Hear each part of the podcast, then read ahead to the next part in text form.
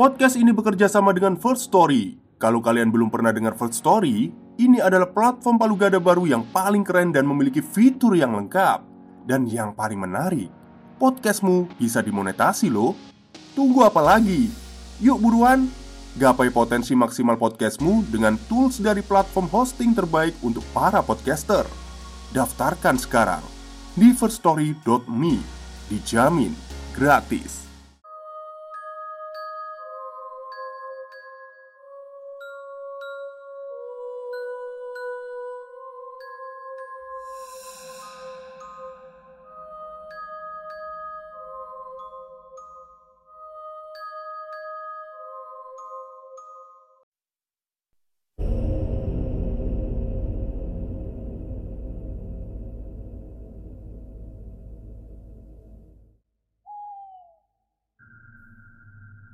Assalamualaikum warahmatullahi wabarakatuh. Halo semuanya Jumpa lagi dengan saya Chow Sing Sing Kurator dari podcast Horror Night Story. Halo semuanya Apa kabar? Ya semoga sehat-sehat ya. Uh, Saya mohon maaf ya Kemarin saya tidak upload ya. Ya ada masalah lah ya. Jadi Alhamdulillah sekarang bisa upload hari ini dan pada hari ini Kisah kali ini datang dari kiriman email Mas Kip Kip Yang menceritakan tentang pengalaman temannya sendiri Yang berprofesi sebagai freelance teknisi IT Oke, daripada kita berlama-lama, mari kita simak ceritanya. Selamat malam Bang Cho Jumpa lagi dengan saya Kip Kip. Sebelumnya terima kasih Bang. Kemarin udah dibacakan ceritanya Dan sesuai harapan pembawaan Bang Cho Sing Sing ini Tidak pernah mengecewakan pendengar. Kali ini saya akan menuliskan sebuah cerita yang dialami oleh teman saya. Sebut saja namanya Arif Dan kejadian ini dia alami sekitar tahun 2014 saat itu, dia bekerja sebagai freelance di teknisi bidang IT di kota Surabaya. Dia sering mendapatkan panggilan untuk memperbaiki alat-alat IT di kantor-kantor di wilayah itu, dan cerita ini terjadi saat dia mendapatkan job di sebuah kantor pelayanan masyarakat di Surabaya. Saya akan menceritakan kisah ini dari sudut pandang si Arif. Halo, Mas Arif. Mas bisa datang ke kantor nggak?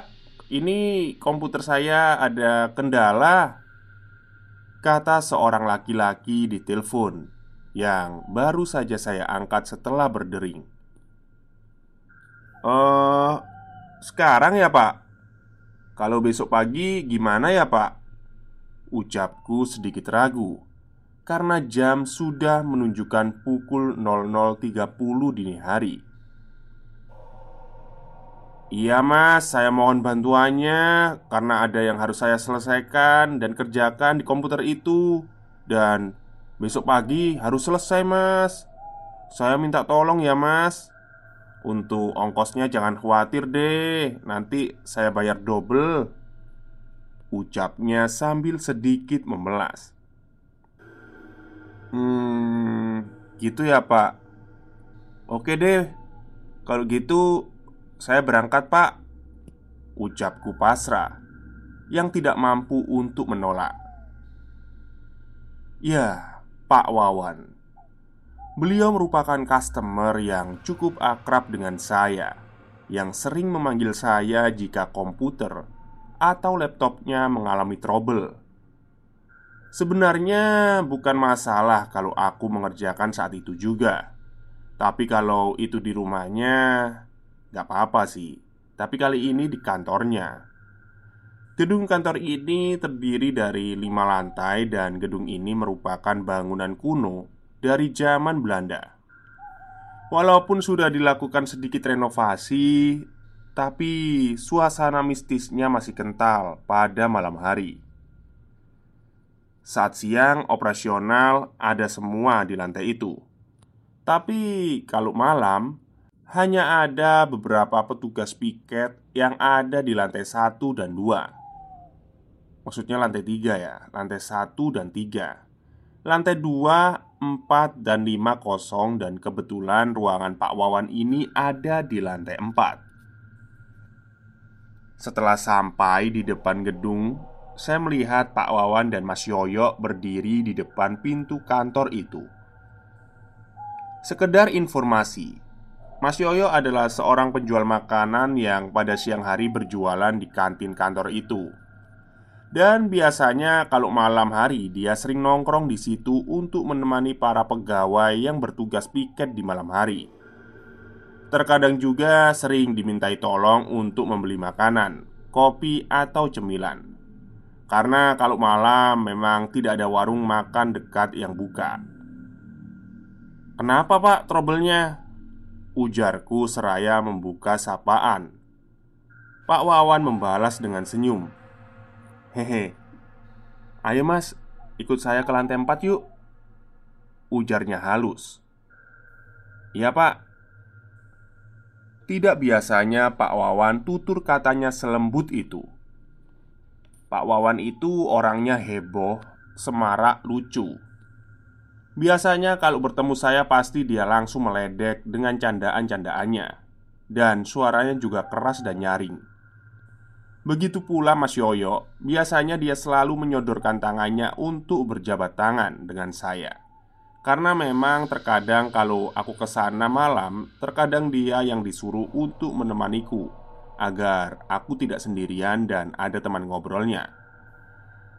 Tapi kali ini dan malam ini mereka berdua sedikit berbeda. Pak Wawan yang seolah jadi pendiam dan Mas Yoyo yang sedari tadi hanya menundukkan kepalanya. Bahkan ketika kami bertiga di lift pun tanpa ada sepatah kata pun terucap dari mereka berdua.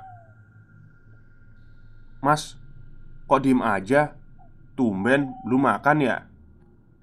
Ucapku mencoba membuka obrolan sambil bercanda Mas Yoyo tetap diam tanpa ada sautan sedikit pun Kepalanya masih menunduk Hah, mungkin mereka berdua lagi ada masalah banyak Capek atau banyak pikiran mungkin ya Setibanya di ruangan Pak Wawan, aku pun langsung menuju ke meja beliau dan langsung mengotak-atik komputer beliau. Sedangkan mereka berdua duduk di sofa di pojok ruangan sambil masih sama-sama saling diam. Kok aneh ya? Tumben. Pikirku kembali sedikit keheranan. Pak, ini keluarnya kenapa ya, Pak? Tanyaku agar ada sedikit obrolan Dicek aja mas silahkan Jawabnya singkat Saya pun melanjutkan mengecek komputer Mas, mas mau minum apa? Kopi apa teh? Saya sedikit kaget karena tiba-tiba Mas Yoyo berada di samping saya ketika saya sedang asyik mengotak-atik komputer. Eh, kopi aja mas, gak apa-apa Jawabku. Ditunggu ya mas Ujarnya sambil sedikit tersenyum padaku. Iya mas, terima kasih. Mas Yoyo kok pucat banget? Sakit ya mas Ucapku spontan.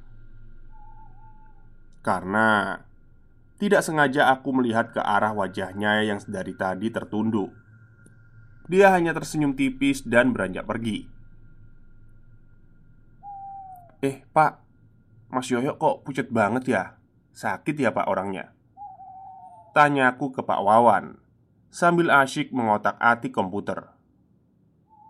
"Kecapean mungkin," jawab singkat beliau. Aku semakin merasa aneh. Biasanya Pak Wawan suka sekali mengobrol tapi kali ini kenapa seolah-olah dia begitu cuek, pendiam dan duduk sambil menatap TV tanpa ekspresi Setelah hampir 30 menit Aku melakukan pekerjaanku Aku bermaksud ingin istirahat sejenak dan menghampiri Pak Wawan. Namun aneh, Pak Wawan sudah tak ada di tempatnya. Padahal tadi aku tidak mendengar ada orang yang keluar dari ruangan ini. Aku pun merapikan kembali komputer dan meja Pak Wawan, dan setelah itu saya bermaksud akan menelpon beliau untuk izin pulang. Eh, sebentar. Mas Yoyo belum juga kembali Dan udah hampir satu jam dia pergi membeli kopi Akhirnya Aku memutuskan untuk sebentar menunggu di ruangan itu Tidak terasa mata mulai merasakan kantuk yang mulai menyerang Karena seingatku saat itu Sudah hampir jam 2 malam Aduh, ke mana sih Pak Wawan? Kopiku juga nggak datang-datang Perasaanku mulai tak enak. Kali ini mengalahkan rasa kantukku. Aku mengeluarkan ponsel dan mencoba menghubungi Pak Wawan dan bermaksud untuk izin pulang dan memberitahunya kalau pekerjaanku sudah selesai. Tapi sialnya, tidak ada sinyal di ponselku. Aneh banget.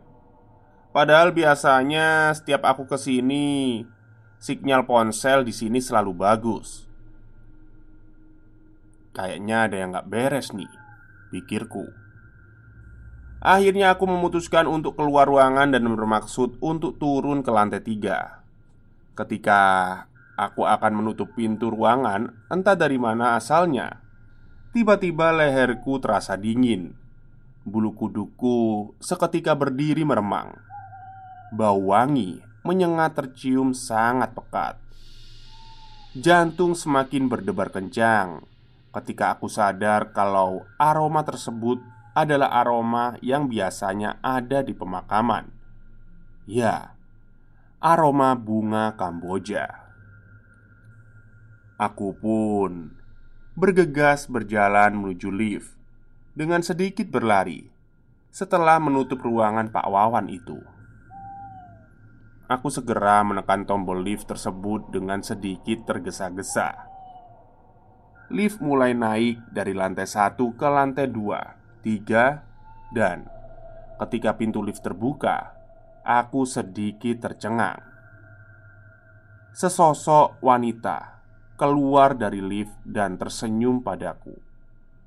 Wanita itu dengan lembutnya menyapa dan menanyakan letak ruangan yang tidak lain Ruangan itu adalah ruangannya Pak Wawan. Maaf mas, tahu ruangan ini nggak? Sebelah mana ya? Dengan lembut dia bertanya Oh, cari siapa ya mbak?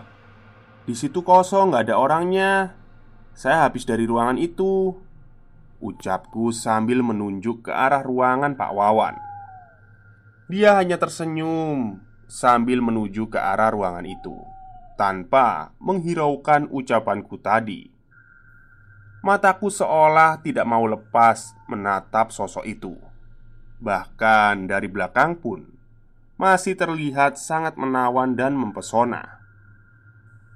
Aku masih terdiam terpaku melihat kecantikan dan badan wanita itu. Benar-benar sangat sempurna. Tapi Tak lama, aku tersadar dari lamunanku. Ada yang ganjil. Siapa wanita yang tengah malam begini naik ke lantai empat dan mau apa? Apakah dia pegawai? Tidak mungkin pakaian yang ia kenakan bukan menunjukkan kalau dia pegawai. Wanita itu memakai dress berwarna putih hampir seperti dress model 70-an dan aroma saat dia melewatiku, aku mengenalinya. Aku terus memperhatikan wanita itu, tapi akhirnya aku menyesal. Sambil berjalan, tiba-tiba dia menoleh ke arahku sambil tersenyum. Astagfirullah, ngeri. Jantungku seakan ingin runtuh saat itu. Bagaimana tidak? Kali ini bukan senyuman manis seperti yang aku lihat tadi melainkan senyuman menyeringai disertai tetesan air liur bercampur darah yang keluar dari mulut perempuan itu. Tidak sampai di situ, wajahnya berubah. Ya, tapi ada yang aneh. Kepalanya berputar 180 derajat. Dia menghadapku tanpa membalikkan badannya. Ingin rasanya aku segera pergi dari situ. Badanku kaku, tidak bisa digerakkan. Mataku seolah-olah tidak mau dipejamkan. Seolah-olah dipaksa untuk terus menatap wajahnya yang sedikit demi sedikit mulai menyerupai seorang nenek-nenek. Wajahnya yang tadinya cantik berangsur-angsur berubah keriput disertai tetesan darah yang keluar dari setiap celah yang ada di wajahnya mata, hidung, dan mulut. Sampai akhirnya aku melihatnya masuk ke ruangan tersebut tanpa membuka pintu tersebut. Badannya menembus pintu. Ketika akhirnya tubuh bisa digerakkan, akhirnya aku lari. Lari melewati tangga untuk bergegas turun dan keluar dari sana. Karena tanpa sadar Lift tadi sudah tertutup dan turun ke bawah Saat sampai di bawah dan hendak menaiki motor Aku dikagetkan oleh seorang yang menepuk bahu saya. Loh, mas? Aku tersentak. Pak Wawan? Kok sampean di sini? Gak baca WA ya? Saya telepon juga nggak bisa tadi sampean mas. Saya nunggu masnya dari tadi di minimarket. Saya kira mas gak jadi datang Ucap Pak Wawan keheranan dan agak sedikit kesal. Duh pak. Saya malah dari tadi nungguin bapak dan mas Yoyo di ruangan. Kan bapak sama mas Yoyo tadi nganterin saya ke lantai 4 Habis itu mas Yoyo beli kopi. Bapaknya malah nggak tahu ke mana. Saya pikir ke lantai tiga Tapi kok nggak balik-balik? Saya coba hubungi Tapi ponsel saya nggak ada sinyalnya pak Mas Yoyo. Nggak mungkin ah. Tanya Pak Wawan keheranan. Iya pak. Emang kenapa sama Mas Yoyo? Tanyaku Eh mas. Mas Yoyo itu udah meninggal seminggu yang lalu. Beliau meninggal mendadak karena sakit asam lambung. Dan saya dari tadi nungguin masnya di minimarket ujung jalan sana. Setelah saya telepon Masnya Tadi pas nyuruh ke kantor Saya telepon masnya lagi berkali-kali Tapi nggak nyambung-nyambung. Akhirnya saya kirim pesan ke mas. Rencananya saya mau ngajak ngopi di luar dulu Soalnya teman-teman di shift malam lagi pada keluar Cari makan. Saya nggak berani sendirian di sana. Soalnya ini malam selasa legi mas. Ucapnya sambil menunjukkan ponselnya Kalau dia memang menelponku dan mengabariku Dan benar saja Aku dengan jelas melihat pesan itu. Pak Wawan pun menjelaskan bahwa dari tadi Tidak ada orang di kantor Dikarenakan mereka semua keluar untuk cari makan. Biasanya akan kembali pukul 3.00 Mas, malam ini selasa lagi Saya lupa tadi ngasih tahu masnya Agar ketemu di luar saja. Soalnya teman-teman piket saya tadi pada keluar. Saya nggak berani sendirian di situ. Emang kenapa pak kalau malam selasa lagi? Ucapku masih gemetaran. Mas, dari dulu itu Setiap malam selasa lagi di kantor ini Sering terjadi kejadian aneh Tiba-tiba saja selalu tercium bau wangi kuburan Dan pekat di lantai empat Khususnya di ruangan saya. Ada juga cerita kalau teman-teman itu melihat penampakan wanita yang mundar-mandir di lantai empat Tapi tiba-tiba hilang begitu saja. Pokoknya serem deh mas. Kemudian aku berpamitan ke Pak Wawan untuk pulang dan memberitahunya kalau pekerjaanku sudah beres. Dan Pak Wawan pun meminta maaf sambil memberiku upah yang sesuai dengan ia janjikan. Ya demikian pengalaman yang aku alami. Uh, Maksudnya itu teman saya alami ya. Sampai sekarang dia masih bekerja sebagai freelance teknisi Tapi untuk sekarang dia tidak mau menerima job di atas jam 12 malam. Di kantor-kantor apa pun itu Kapok katanya. Dan seperti biasa Mas Cu berhubung saya bukan seorang penulis Mohon maaf kalau mungkin tulisan saya berantakan. Tapi apa yang saya tulis berasal dari pengalaman narasumber itu sendiri. Semua nama yang ada di cerita ini bukan nama sebenarnya. Terima kasih. Oke, itulah kisah singkat Yang dikirimkan oleh Mas Kip Kip ya Mengenai kantor di daerah Surabaya. Kantor daerah Surabaya yang mungkin masih berarsitektur Belanda itu di mana ya? Banyak sih sebenarnya ya. Ada berapa? Cuman yang operasi sampai malam itu apa ya? Masa kantor wifi? Ya nggak tahu sih. Oke mungkin itu saja dan terima kasih Mas Kip Kip sudah mempercayakan ceritanya pada saya. Walaupun saya agak tergagap juga ya bacanya ya Tapi udah lumayan lah Bagus tulisannya ini. Terima kasih Mas Kikip Sudah menceritakan dan mengirimkannya Dan terima kasih pada semuanya yang sudah Mendengarkan cerita ini di siang hari ini. Saya pamit undur diri Selamat siang dan selamat beristirahat